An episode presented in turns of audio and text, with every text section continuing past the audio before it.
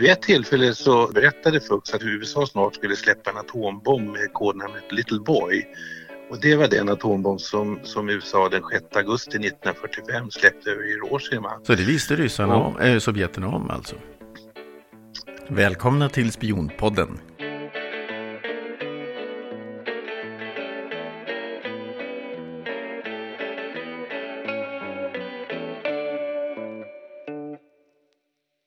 Hej och välkomna till ännu ett avsnitt utav Spionpodden. Idag har vi en av våra favoriter i repris kan jag säga. Och en av våra gästfavoriter i repris. Och det är ingen mindre än Christer Olsén. Välkommen! Tackar, tackar! Eh, idag sitter vi inte bredvid varandra utan vi håller ju coronaavstånd. Eh, och, eh, men idag så ska du Eh, berätta om ett väldigt kärt ämne och som jag är väldigt nyfiken på. Du, du har ju gjort en hel del research på spionerna, makarna eh, Rosenberg, Rosenberg i USA som eh, hjälpte Sovjetunionen att eh, framställa sina egna atomvapen. Berätta lite. Precis. Det är det som går under beteckningen atombombspionerna som egentligen handlar om två spionringar. Och jag skulle vilja inleda med att berätta lite grann om den stämning som rådde på den tiden. För det här utspelades ju i kalla krigets skugga och handlar i grunden om hur Sovjet stal informationer från USA och Storbritannien för att hålla jämna steg med eh, USAs atombombsprojekt.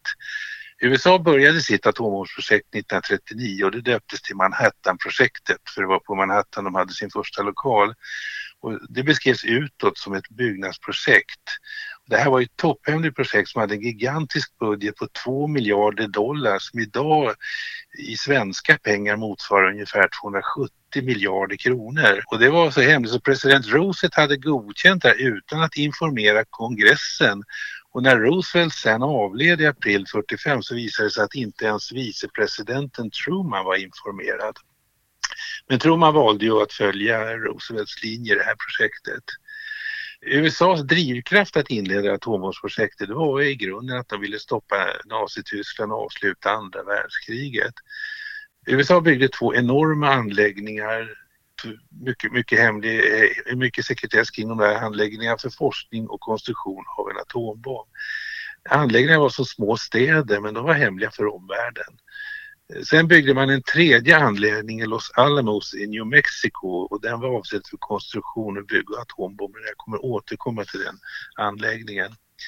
I år är det 75 år sedan, närmare bestämt den 16 juli 1945 som USA gjorde sin första provsprängning av en atombomb. Och en månad senare beordrade president Truman att en atombomb skulle fällas över Hiroshima och kort efteråt en till atombomb över Nagasaki. Och bomberna fick ju Japan att kapitulera, andra världskriget avslutades men i Sovjet blev man bestörta för atombomberna gjorde att USA hade fått ett militärt övertag över Sovjet i ett skede där förbindelserna blev allt mer frostiga dem emellan.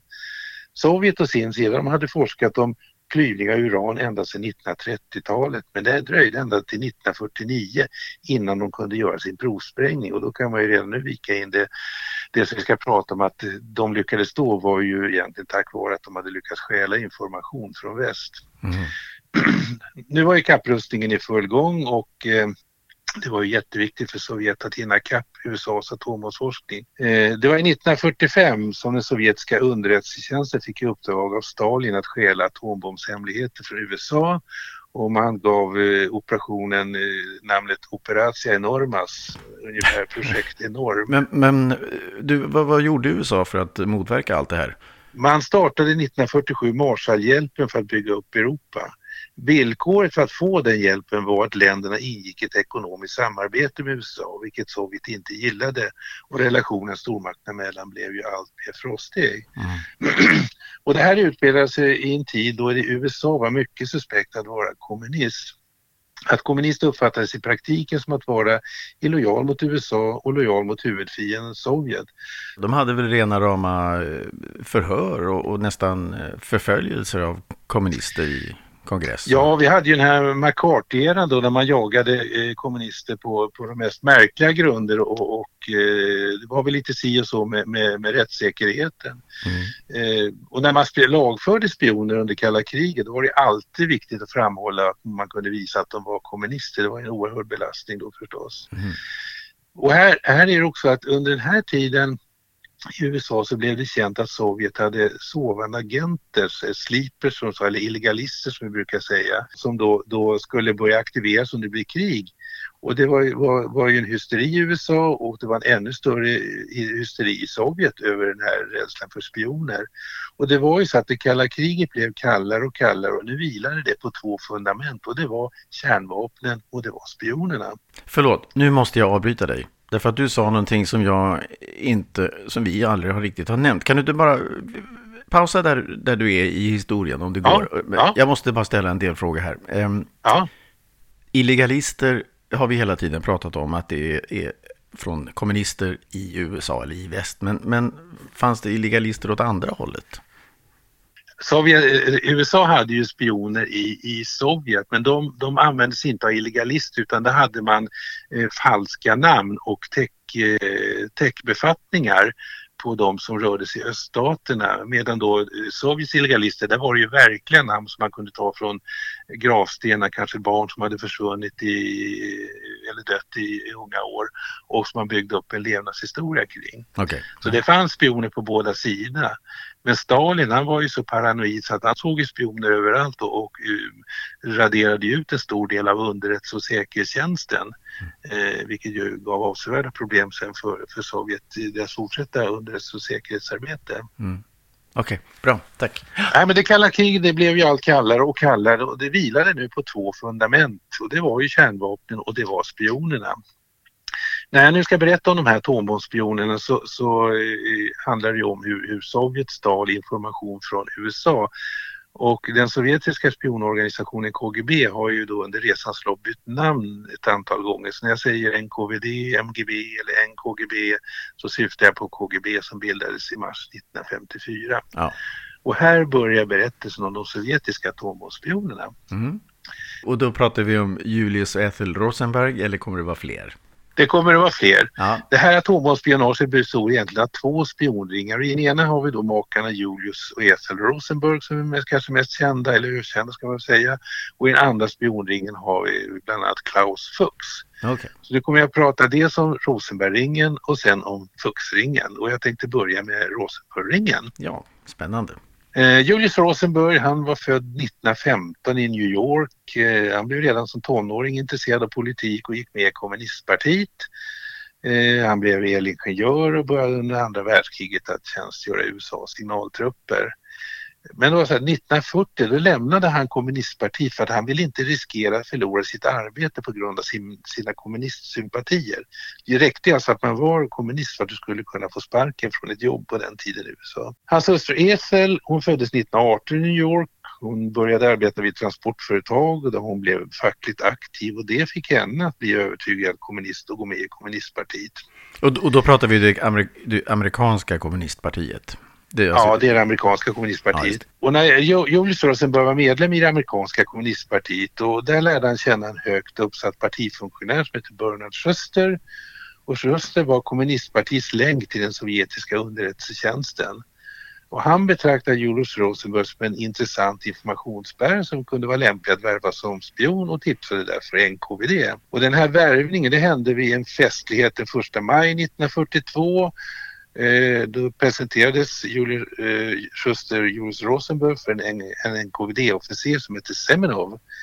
Semenov genomförde värvningen ganska snabbt och när det var klart fick Semenov åka tillbaka till Moskva och då kom det en annan NKVD-officer som heter Alexander Feklisov som blev Julius Rosenbergs kontaktperson och Rosenberg fick kodnamnet Antenna. Antenna? Och de, antenna, ryska ordet antenna som betyder antenn. Ja, ja. Eh, och Alexander Fekesson måste jag nämna, det var inte vem som helst. För 20 år senare under Kubakrisen 62, då var det faktiskt han som via en amerikansk journalist på ABC-kanalen eh, förmedlade information mellan Khrushchev och i Sovjet och president Kennedy i USA. Det anses i hög grad ha bidragit till att vi slapp ett tredje världskrig. Julius Rosenberg har väl blivit mest förknippad med atombombsspioneriet men vad som är mindre känt är att redan efter att han värvades 1942 så började han spionera på USAs signaltrupper där han då arbetade. Och där samlade han information om den senaste utvecklingen inom elektronik och radio, eh, radioteknik. Redan då fick han emellertid information om att Sovjet var intresserad av information om USAs atombombsprojekt. Men han fick inget konkret uppdrag då. Och den informationen fick han av en ryss som heter Jakob Golos som arbetade på kommunistpartiet i USA. Eh, de träffades några gånger eh, och då måste jag nämna namnet Elisabeth Bentley. Mm. Hon arbetade också med USAs kommunistparti och Golos var hennes chef. Golos ärvade Elisabeth Bentley att bli spion och hon var bara perifert inblandad i Rosenbergs spioneri. Och hon kom senare att vittna i den här rättegången och bland, berättade då att hon bland annat tog emot samtal från Julius Rosenberg eh, som hon då förmedlade till Golos och efter de här samtalen gick Golos alltid ut för att träffa Julius Rosenberg. Eh, Elisabeth Bentleys spionkarriär den fick ett ganska snöpligt slut för att hon var gravt alkoholiserad, hon var paranoid och ansågs inte pålitlig som spion. Och med tiden blev hon äh, mer och mer arg på den sovjetiska underrättelsetjänsten. Och det resulterade att 1945 då kontaktade hon FBI och erkände att hon hade varit sovjetisk spion. Och då hade hon med sig en 108 sidor tjock promemoria om sin bana inom KGB från början fram till kontakten med FBI. Hon avslöjade också 20 sovjetiska spioner och 41 KGB-källor i USA. Oj. Men här hemma märks en kopia av hennes promemoria. Den skickades till det brittiska kontraspionaget där den hamnade hos en chef som vi känner som spionen Kim Philby. Så givetvis skickade den till ryssarna som därmed fick veta vilka spioner och källor som var röjda i USA. Ja, det är ju fantastiskt. Ja, verkligen. 1944 då fick Julius Rosenberg formellt i uppdrag att skaffa information om Manhattan-projektet, det vill säga USAs atombombsprojekt. Som jag nämnde så lämnade Rosenberg kommunistpartiet 1940 för att inte riskera att förlora sitt arbete. Men 1945 då blev det ändå känt att han hade varit medlem i kommunistpartiet och då blev han avskedad med omedelbar verkan. Men då visste man som sagt inte att han under nästan tre års tid hade varit sovjetisk spion. Oj. Julius Rosenberg visste att hans hustru Ethels bror David Greenglass arbetade på Manhattan-projektet som militärtekniker med sergeantsgrad. Så David Greenglass värvades 1944 och det skedde i Albuquerque i New Mexico.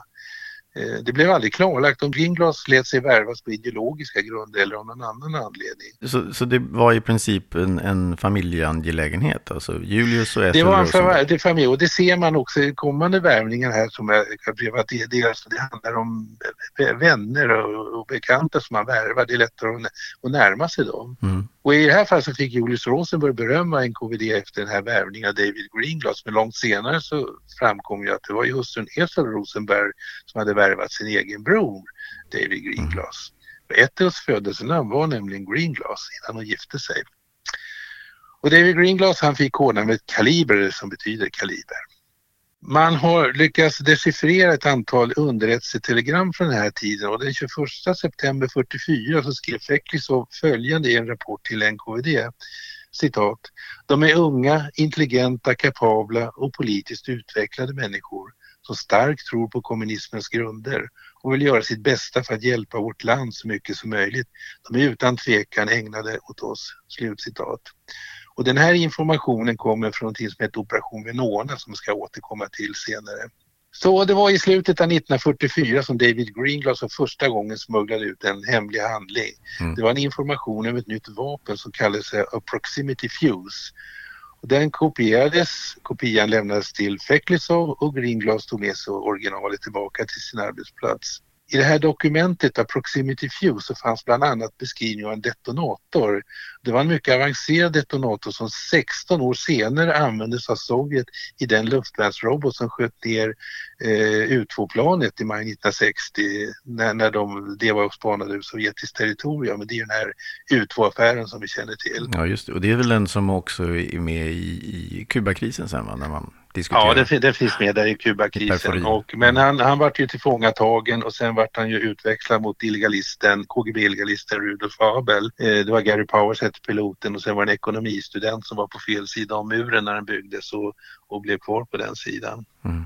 De här hemliga dokument som David Greenglass smugglade ut, de skulle ju fotograferas innan han tog tillbaka dem till sitt arbete och då behövde Julius Rosenberg en säker plats. Då kontaktade han Feklis och föreslog att de skulle kunna använda David Greenglass lägenhet. David Greenglass hustru Ruth, hon var alltid hemma på dagar men det, det såg man inte som problem. Man fick klartecken för Feklisov och hustrun Ruth Greenglass fick kodnamnet Hossa som betyder geting. Mm. Greenglass han lämnade stulna dokument till Feklisov men ibland bad han även sin syster Ethel Rosenburg att göra det. Och vid ett tillfälle så skrev David Greenglass ett brev till sin hustru Ruth och där skrev han citat Min älskling, jag kommer säkert att vara glad över att vara en del av det samhällsprojekt som Julius och hans vänner har i åtanke. Slutcitat.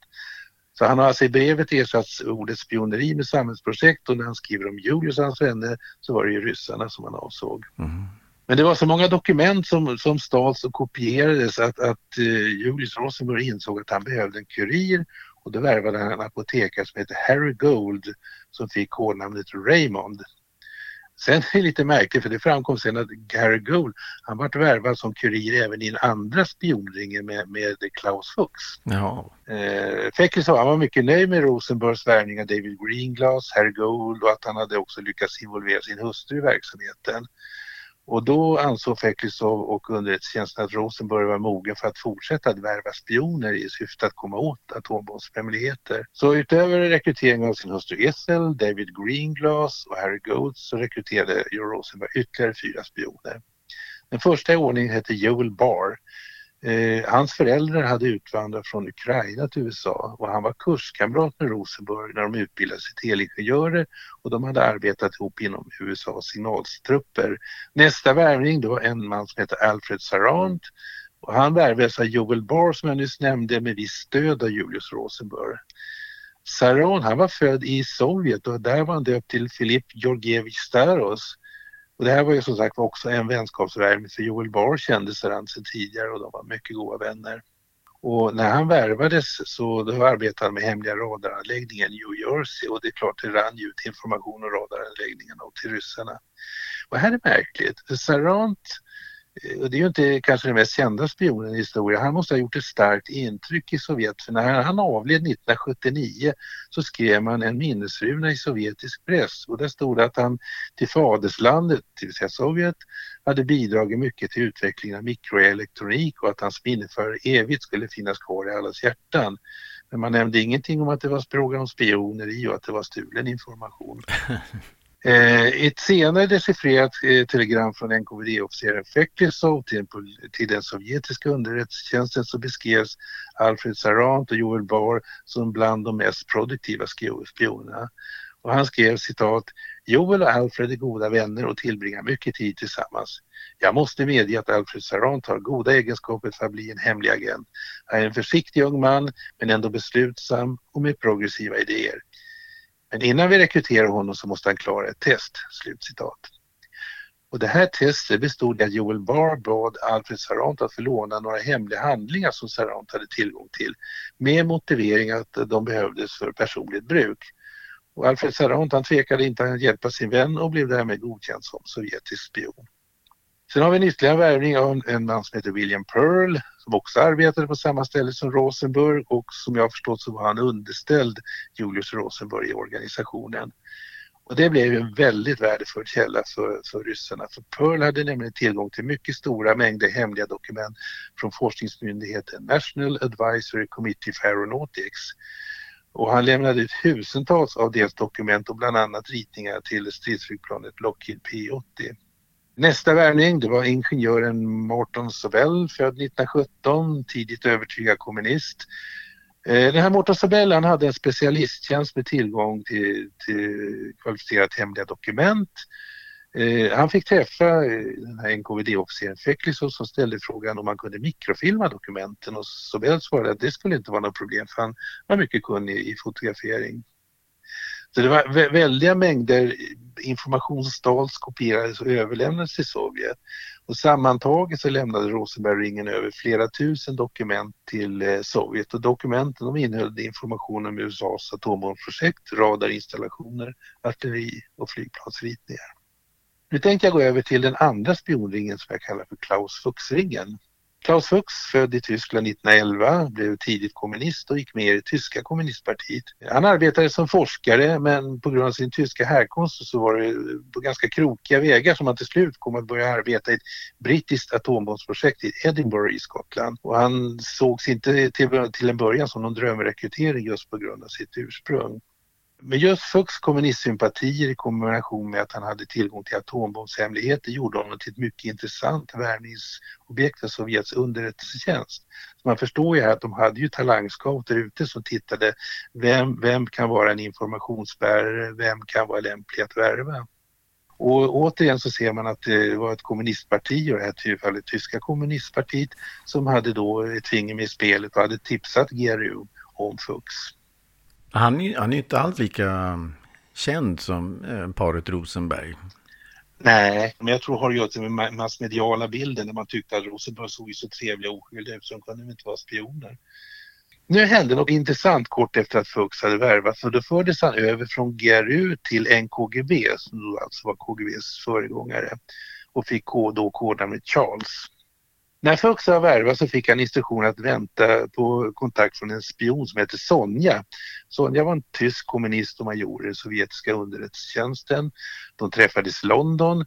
Vid första träffen så sa Sonja till Fuchs att de skulle uppträda som ett kärlekspar ifall brittiska kontraspionaget skulle spana på dem. Sonja var mycket rak på sak och frågade Fuchs hur känns det att vara landsförrädare? Fuchs blev helt ställd, han kom av sig fullständigt och svarade inte på frågan. Istället gav han henne ett kuvert med hemlig information som han hade stulit. Långt senare har den här Sonja beskrivit att hon träffade Fuchs vid sex tillfällen i London och vid de tillfällena så överlämnade Fuchs totalt 90 hemliga promemorior om det brittiska atombombsprojektet. Men Fuchs insatser på den här brittiska anläggningen var väldigt uppskattade och det var givetvis uppskattat även av ryssarna som tacksamt tog emot den, den här stulna informationen. På den här anläggningen så var Fuchs assistent åt en professor Rudolf Peierls som var en av världens ledande kärnfysiker.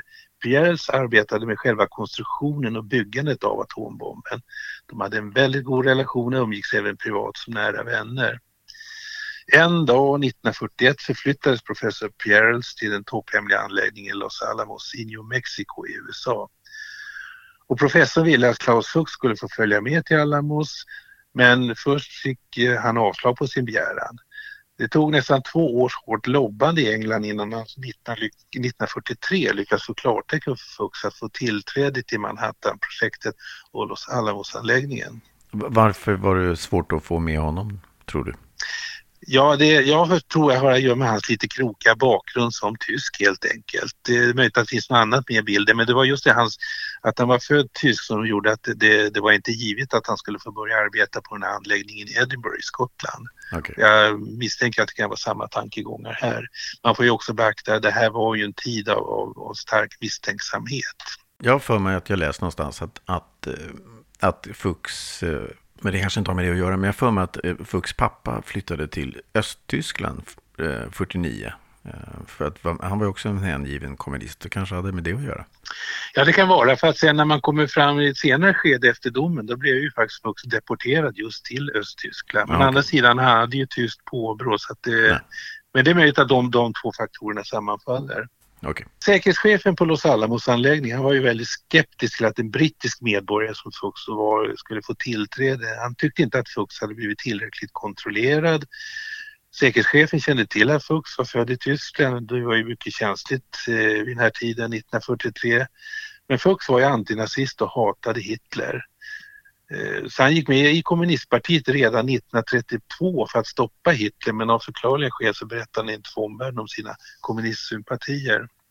Men till slut i alla fall, 1943 fick Klaus Fuchs klartecken att komma till Manhattanprojektet i Los Alamos. Och det skedde med väldigt kort varsel och det skedde så hastigt så att hans sovjetiska kontakter först inte visste vad han hade tagit vägen. Den här Los Alamos-anläggningen då, där hade USA slagit en järnring runt den här anläggningen som var som en liten stad. Ingen fick komma in utan att bli visiterad. Alla telefonsamtal avlyssnades av säkerhetsorganisationen.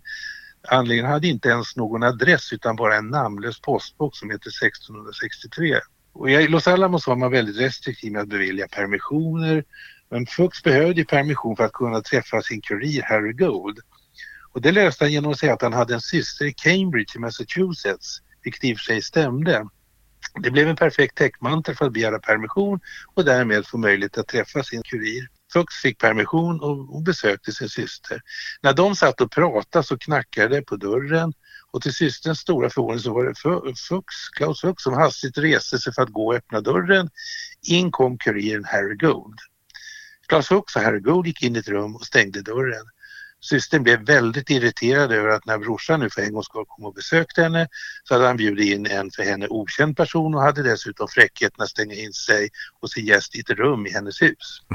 In i rummet så började Fuchs uppdatera Herr Gold om läget på Los Alamos där man förutom arbete med atombomben som var en uranbomb hade börjat forska kring framställningen av en plutoniumbomb. Fuchs gav Harry Gold en bunt eh, kopior, det var stencilkopior av dokument som Fuchs hade skrivit. Då fick Fux ett kuvert av Harry Gold med massa dollarsedlar men det vägrade Fux att ta emot. För det var inte för pengar som han spionerade. Han sa att hans lojalitet var Sovjet som var centrum för den kommunistiska revolutionen. Fuchs ville inte att något land skulle ha monopol på atombomben. Det var ju därför han spionerade åt Sovjet. Han ansåg även att Sovjet borde ha en atombomb. För han hade ju sett i journalfilmer hur miljoner sovjetiska medborgare hade dödats i kriget mot nazisterna. Så på något sätt så känns det som att han försökte vara någon, skapa någon jämlikhet mellan de här stormakterna. Det är ungefär som vi sett andra exempel på spioner som väldigt naivt tror att de har räddat världsfreden genom att lämna ut hemliga uppgifter. Men med andra ord så är han en perfekt spion. Han är en spion av ideologiska skäl och inte av ekonomiska. Ja, han var verkligen idealist ut fingerspetsarna. Det du berättar nu är ju två stycken helt skilda eh, spionringar som båda försåg Sovjetunionen med eh, information om, om, atombomben. Kände de till varandra? Nej, den enda som kan ha känt till dem båda det är ju kuriren Harry Gold. Okay. Sen om man går högre upp i, i organisationen och tittar på på eh, till exempel Feklisov som var, styrde Rosenbergringen och sen var det en eh, gubbe som hette Jakovlev som styrde Fuxringen. så det är möjligt att man på den nivån eh, kände till de olika ringarna. Men, men det här var två helt separata ringar bortsett från den här kuriren och det var nog ingen tillfällighet att han blev eh, värvad även till Fuxringen. Okay.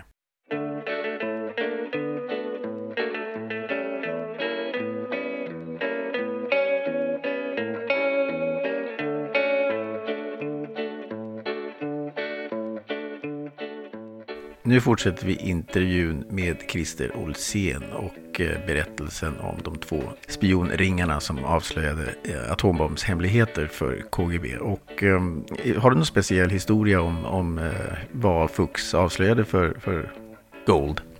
Absolut. Vid ett tillfälle så när de möttes så berättade Fuchs att USA snart, USA snart skulle släppa en atombomb med kodnamnet Little Boy. Och det var den atombomb som, som USA den 6 augusti 1945 släppte över Hiroshima.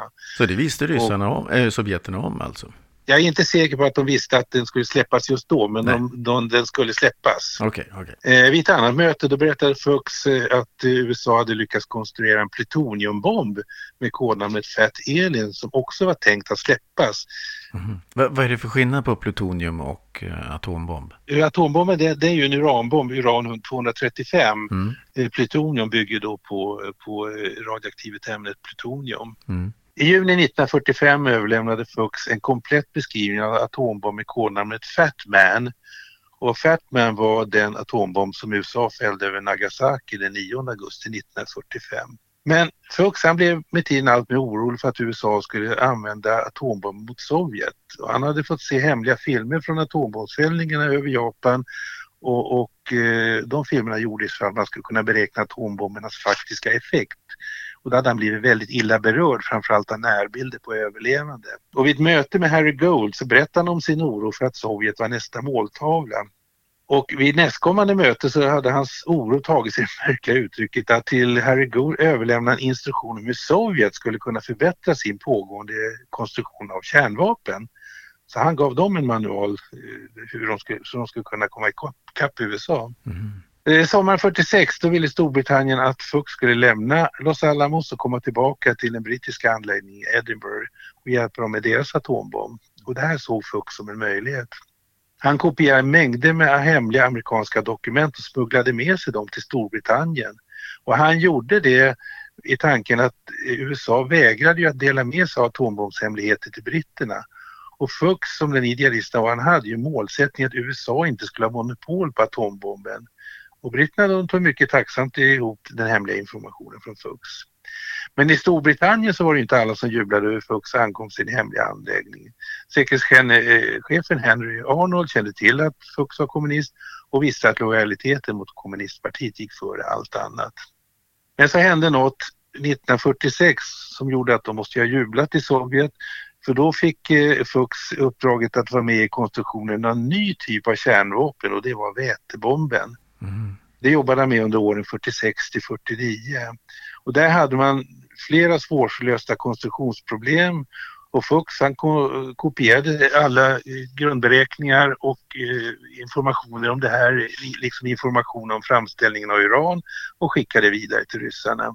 Och Fuchs plan det var dels att avslöja de hemliga atombombshemligheterna för britterna, vilket han nu hade gjort, men också att samla på sig de brittiska atombombshemligheterna. Mm. Vid ett möte med sin, sin sovjetiska kontaktperson då fick eh, Fuchs ett papper med frågor, men han ville inte ta med sig pappret. Istället så la han frågorna på minnet och sa att det skulle ta åtminstone ett, förmodligen två år innan britterna hade en egen atombomb. Men vid den här tiden så inträdde en förändring i Fuchs tankar. Han började mer och mer tvivla på Sovjetkommunismen och Stalins terror och började känna en allt större lojalitet med sina forskningsvänner i väst. Han hade fått samvetskval och ville helt enkelt sluta som spion. Och den 27 januari 1950 då satt han på en pub med en förtrolig vän som märkte att han var pressad. Vännen bad Fuchs lätta sitt hjärta och, och eh, efter en viss tvekan så sa Fuchs att han hade levt ett dubbelliv. Den här vännen visste att Fuchs arbetade i ett hemligt forskningsprojekt så han frågade rakt ut om Fuchs hade lämnat ut information till någon utländsk makt. Efter en lång tvekan så svarade Fuchs ja på frågan. Sen erkände han att han har varit sovjetisk spion ända sedan 1942 och började berätta mer och mer detaljerat om spioneri. Senare i förhör så sa han att han inte hade berättat allt för sin vän med motivering att vännen inte var säkerhetsklassad. Till slut så lyckades USA konstruera en vetebomb och gjorde sin första detonation i november 52 i, på, vid en atoll i Mikronesien, eh, nordöst om Australien. Och bara nio månader senare så detonerade Sovjet sin första vätebomb. Och i väst så blev ju experterna inom underrättelsetjänsten mycket förvånade över att Sovjet så snabbt hade klarat av att färdigställa en vätebomb. Och med facit i hand så vet vi hur, hur det hade gått till. Och, och en vätebomb är ju då lite eller den är väl ännu kraftigare än... än eh, de det är ju ännu kraftigare för det, det var ju så här, man, det gäller ju hela tiden att ö, ö, få effektivare och mer kraftfulla vapen. Mm. Och det, det gjorde att det blev en fullständigt sanslös kapprustning mellan, mellan eh, stormakterna.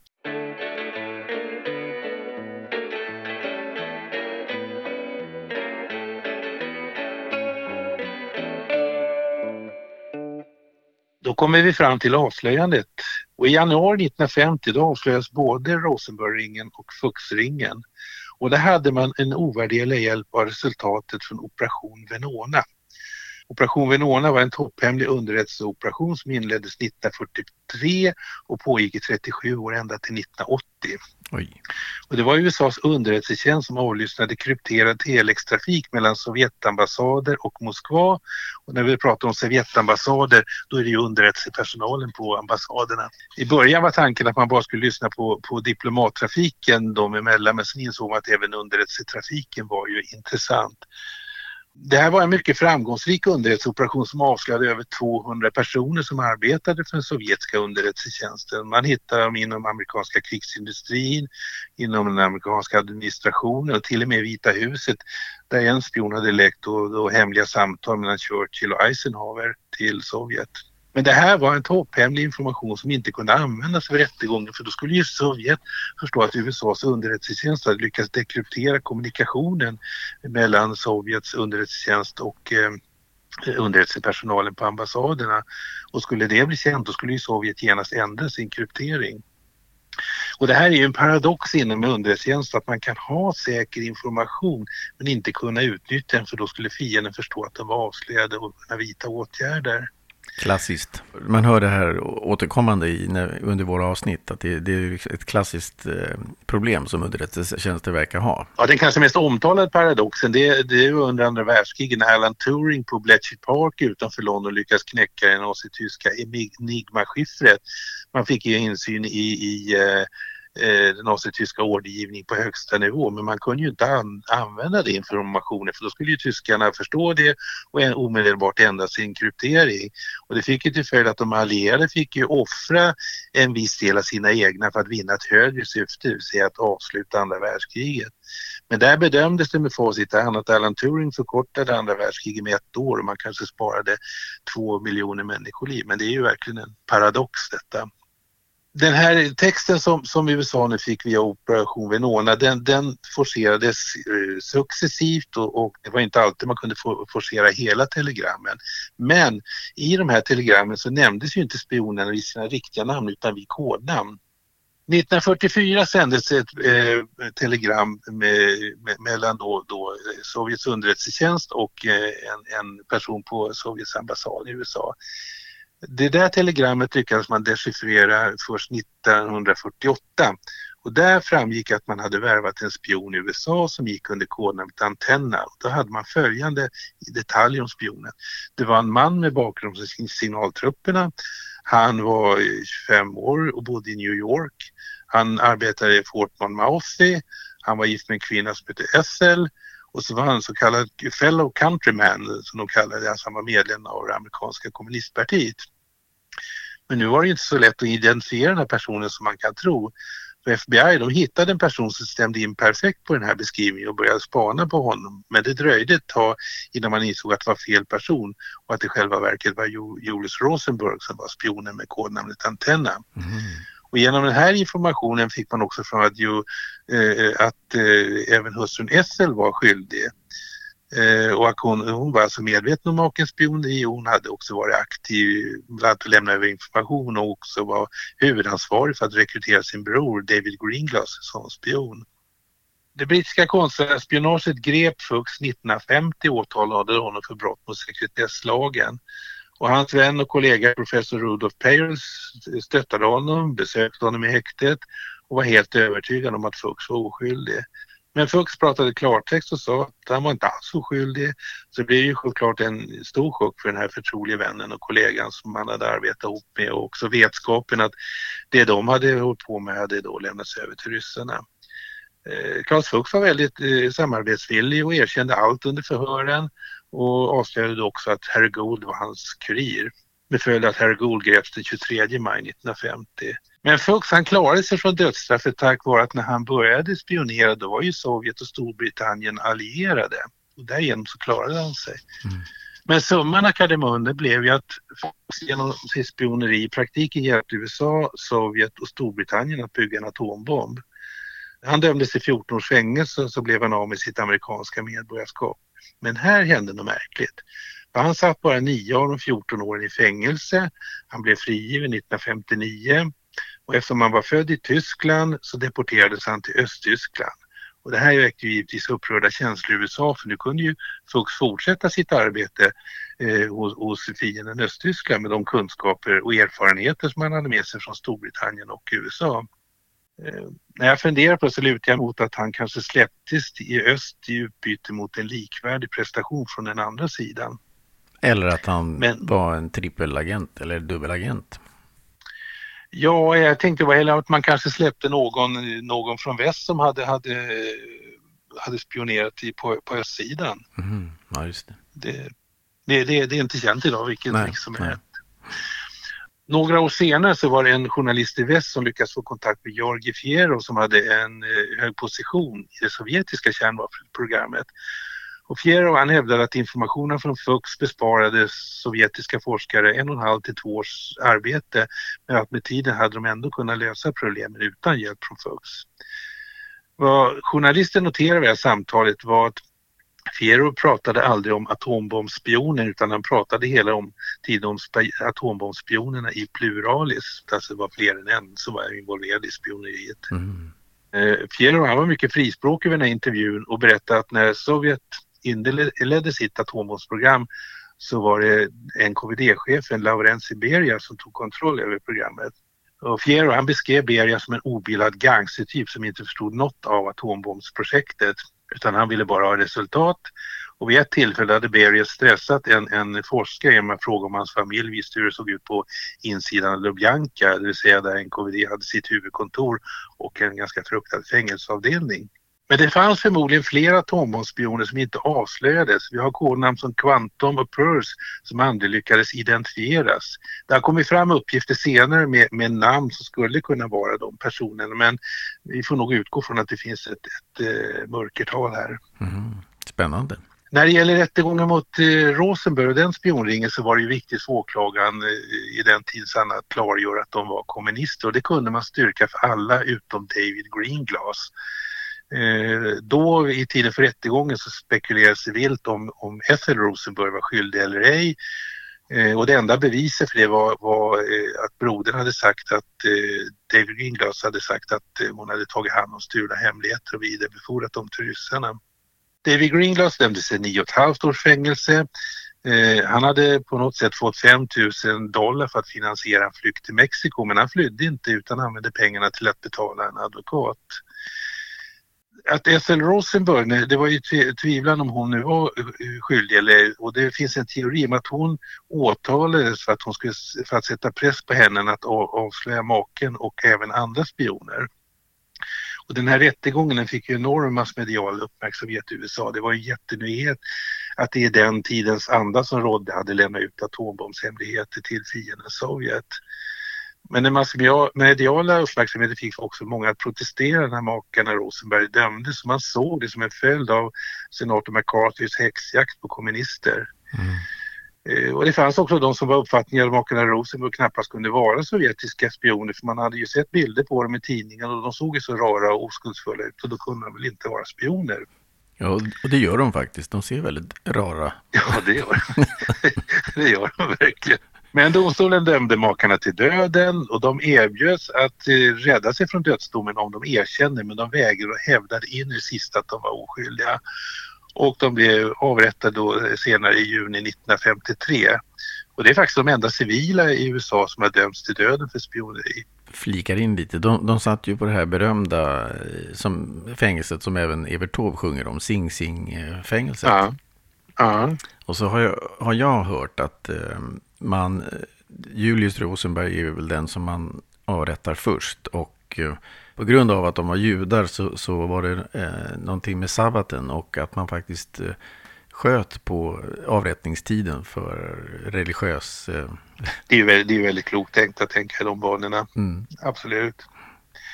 De här makarna Rosenberg, de hade ju två söner, Robert och Michael, och, och de, de lämnade skriftlig kommentar efter, efter domen att de accepterade att pappan hade varit spion, men de kommenterade inte mammas roll med ett enda ord. Och efter att de hade lämnat, eh, skrivit den här kommentaren så bytte de efternamn. För det var väl lite laddat att heta Rosenberg. Eh, det avslöjades, eh, det där med mamman, det, det avslöjades ju precis innan hon dog att hon hade ett Eh, kärleksförhållande med en kvinnlig eh, fängelse, fängelsevakt. Eh, som de faktiskt kysstes precis innan hon avrättades. Kan det visste inte jag. Nej, Nej jag aldrig gjort det. Ja, jag läste det och, och, det kanske också var en anledning på den tiden att det var lite känsligt när det kom ut. Ja, ja. Men du, Sverige, hur, hur, hur reagerade man i, i, Sverige på allt det här? Ja, den här Rosenberg-rättegången fick ju väldigt stor uppmärksamhet i media och den, or, den kommunistiska organisationen Clarté gav ut en bok som heter Breven från dödscellen och Clarté ville sprida en uppfattning som drevs i vänsterkretsar att makarna Rosenberg bör vara oskyldiga att de hade blivit en bricka som skulle offras i ett politiskt spel. Och eh, i Sverige 1951 så bildades en Rosenbergkommitté. De organiserade möten, man uppvaktade politiker. Man hävdade att USAs regering hade satsat sin prestige i rättegången och, att, eh, och i kampanjen mot makarna Rosenberg. Men som sagt var, Venona-materialet det visar ju med önskvärd tydlighet att de var helt fel ute. Morton Sabell var en av aktörerna i den här ringen och han var på semester i New Mexico när Rosenberg greps. Och när han läste om gripandet så försökte han hitta ett snabbt sätt att ta sig till Europa. Men han greps av den mexikanska säkerhetspolisen och överlämnades till USA. Han åtalades för att ha spionerat för Sovjets räkning och dömdes mot sitt nekande i fängelse i 30 år men han släpptes efter 17 år och 9 månader. Han, han hävdade hela tiden att han var oskyldig. Han skrev till och med en bok om detta med titeln On Doing Time Men 2008, då var han 91 år, så gjorde han en intervju i New York Times. Då erkände han att han hade varit sovjetisk spion och han bekräftade att Ethel Rosenberg hade varit fullt medveten om maken Julius spionverksamhet och att hon hade hjälpt till att lämna över stulen information till ryssarna. Så sammantaget, det sovjetiska spionaget bidrog till att Sovjet kom ifatt USA i kärnvapenrustningen. Under det kalla kriget då fanns det som mest 70 000 kärnvapen. USA ledde inledningsvis kapprustningen och fick upp till 31 000 kärnvapen. Oj. Men sen dämpade man sin kärnvapenproduktion. Det gjorde inte Sovjet utan 1976 då hade det gått så långt att då hade Sovjet gått om USA i antal kärnvapen och då hade Sovjet som mest 40 000 kärnvapen. Och idag har USA och Ryssland efter de här SALT 1 och SALT 2-avtalen och andra kontakter eh, vardera cirka 6 000 kärnvapen. Men nu finns det istället åtta, kanske nio ytterligare kärnvapennationer eh, i världen. Och jag menar, vi pratar om Frankrike, Kina, Storbritannien, Pakistan, Indien, Israel, Nordkorea och Irak. Fast det anses det att Iraks kärnvapenanläggningar under Saddam Husseins tid skulle ha bombat sönder israeliskt flyg. Sen har vi ett frågetecken och det är Iran. Men det finns ju tecken på att de har skaffat sig kärnvapen. Det låter ju, alltså det, man, man, blir ju mörkrädd när man, när man hör det här. Till, till vilken nytta är allt det här? Och hur det var ju, var ju, var ju några gånger som det var ju väldigt nära att det, det mm. blev ett krig. Ja, men det var Kubakrisen, vi har den här gången med den här satelliten som, som ju då reflekterar, sovjetiska satelliten som reflekterade en, spe, en reflex som den trodde var en kärnvapenmissil. Men den här överstelöjtnanten som satt eh, vid, vid, knappen, han, han, han tänkte till. Det fanns ju inga andra indikationer på att, att eh, USA skulle, men jag menar hade han tryckt på knappen där då hade ju gått väldigt illa. Men, men Christer, berätta lite grann. Vad är, jag känner inte riktigt till den här satelliten. Är det något du vill berätta om nu eller ska vi ta ett annat avsnitt? Ja, jag återkommer gärna men i, mm. i korthet var det så att det, det är en, en, sovjetisk satellit som hade till uppgift att övervaka om det var några missiler på väg mot Sovjet. Mm. Den reagerade för en reflex som tolkades som att eh, USA hade skickat kärnvapen mot Sovjet. Och det här var ju en tid då när man var fullständigt övertygad om att USA skulle göra en överraskningsattack mot, mot Sovjetunionen. Och då var det ju den gamle KGB-chefen Julian Andropov som, som var, var eh, president i, i, i Sovjet och han var ju väldigt, väldigt misstänksam mot, väst.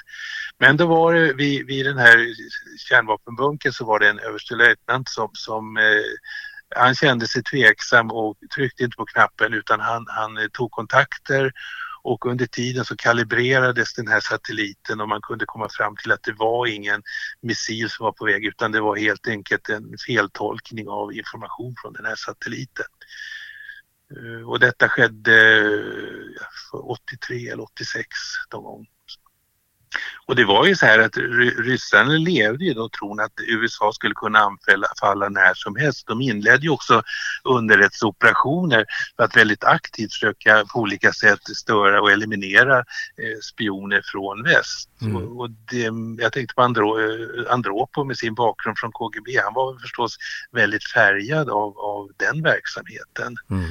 Eh, så det, det, var nära flera gånger men det, det slutade gott i slutändan. Men du, om man, om man lite krast eller, eller om man får vara lite... Det är ju ändå så att USA är, är ju den enda nationen som har släppt eh, atombomber. Det var Little Boy och Fat Man som släpptes över, över Japan. Um, och Ryssland, eller Sovjetunionen eller Ryssland har ju ännu inte släppt någon bomb. Och, och, kan det inte vara så att, om man nu tänker efter lite grann, att de här två spionringarna eh, ehm, faktiskt gjorde någonting bra för freden? Ja, alltså man pratar ju om de termerna MAD som står Mutual Assured Destruction. Och det, det innebar ju hela tiden att man, det var ingen idé att någon startade någonting för det skulle bara slå tillbaka värre. Och man hade förmågan att, att uh, förgöra varandra och världen flera gånger om. Men, men som jag just nämnde inledningsvis, atombomberna var ju en väldigt väsentlig del av det kalla kriget. Och spionerna som fanns och nallade information från, från uh, sina motståndare, det var ju också en väsentlig del i, i det hela. Det gjorde ju ändå att, att, att, att, USA inte kunde hota Sovjet med att släppa någonting som ryssarna inte, Sovjetunionen inte kunde vedergälla med. Nej, alltså det blev ju någon sorts dödläge så det var väl ganska naturligt att man började med de här SALT 1 och SALT 2 två förhandlingarna för jag menar alla insåg ju egentligen hur vansinnigt det här var. Och i de förhandlingarna så var det ju initialt man, man, man eh, pratar om den empatiska delen, att man, vad, vad är det för värld våra barn ska växa upp i? Mm. Och, och eh, till slut lyckas man ju enas men det var ju så väldigt spänt mellan öst och väst och, och det kommer ju nya aktörer i bilden. Vi har Ronald Reagan och vi har Gorbachev och de fick ju en väldigt bra personkemi och det, det var nog en väldigt viktig del i, i kontakterna för att jobba för, för en nedrustning. Mm. Ja, häftigt. Um... Men däremot kan man väl som slut att säga, det som jag påpekat flera gånger, att jag, jag förstår inte hur folk kan säga att historia är tråkigt. Nej. Ja, varit... Jag tycker det är jättespännande.